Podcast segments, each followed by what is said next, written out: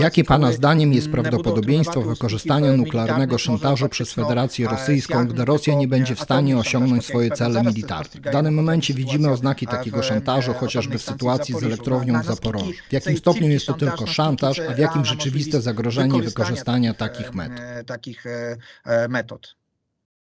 Ну, по-перше, вони вже цим займаються. Ви знаєте, що на сьогоднішній день терористами захоплена Запорізька атомna станcja. Po pierwsze, яка oni є już to дуже robią. Pan wie, że небезпечним aktualnie terroryści об'єктом, zajęli теж zaporowską стосується elektrownię саме jądrową, ядерної która jest bardzo безпеки. niebezpiecznym Na obiektem w preveliky żal, kontekście e, bezpieczeństwa światowa nuklearnego. wspólnota, Niestety wspólna wspólnota zmartwia międzynarodowa, na це włączając to Międzynarodową відреагувала Agencję належним Energii спосіб. Atomowej, nie Сьогодні, zareagowała коли w odpowiedni захоплена sposób. станція Kiedy терористів, elektrownia вони jądrowa там jest знаходяться zajęta і przez відкривати terrorystów будуть. i oni tam rzeczywiście są, a Komisja Międzynarodowej Agencji Energii Atomowej przyjechała, popatrzyła i pojechała sobie dalej, to taka sytuacja pozostawia wiele do życzenia. Uważam, że organizacje, które zostały stworzone właśnie w celu sprawowania kontroli nad takimi sytuacjami, powinny działać bardziej aktywnie. Jeżeli chodzi o prawdopodobieństwo wykorzystania przez Federację Rosyjską taktycznej bądź strategicznej broni jądrowej, to powiem panu tak, że aktualnie nie mamy żadnego wpływu w tej materii, dlatego że trzeba było w odpowiednim czasie dać stanowczy odpór agresorowi. Tylko obserwowano, mówiono, że nie trzeba ich ruszać, że trzeba się dogadywać, a teraz ponosimy konsekwencje takiej, że tak powiem, mdłej polityki wielu państw w stosunku do ludzi, którzy byli terrorystami nie pierwszy rok. Kiedy oni w 2008 roku zaatakowali Gruzję, zabierając część jej terytoriów, kiedy w 2014 roku strącili cywilny samolot, zabijając 290 obywateli różnych krajów, także obywateli państw NATO, nikt nie zareagował we właściwy sposób. Dlatego dziś mamy takie zaostrzenie sytuacji. От, і ніхто в належний спосіб на це не відреагував.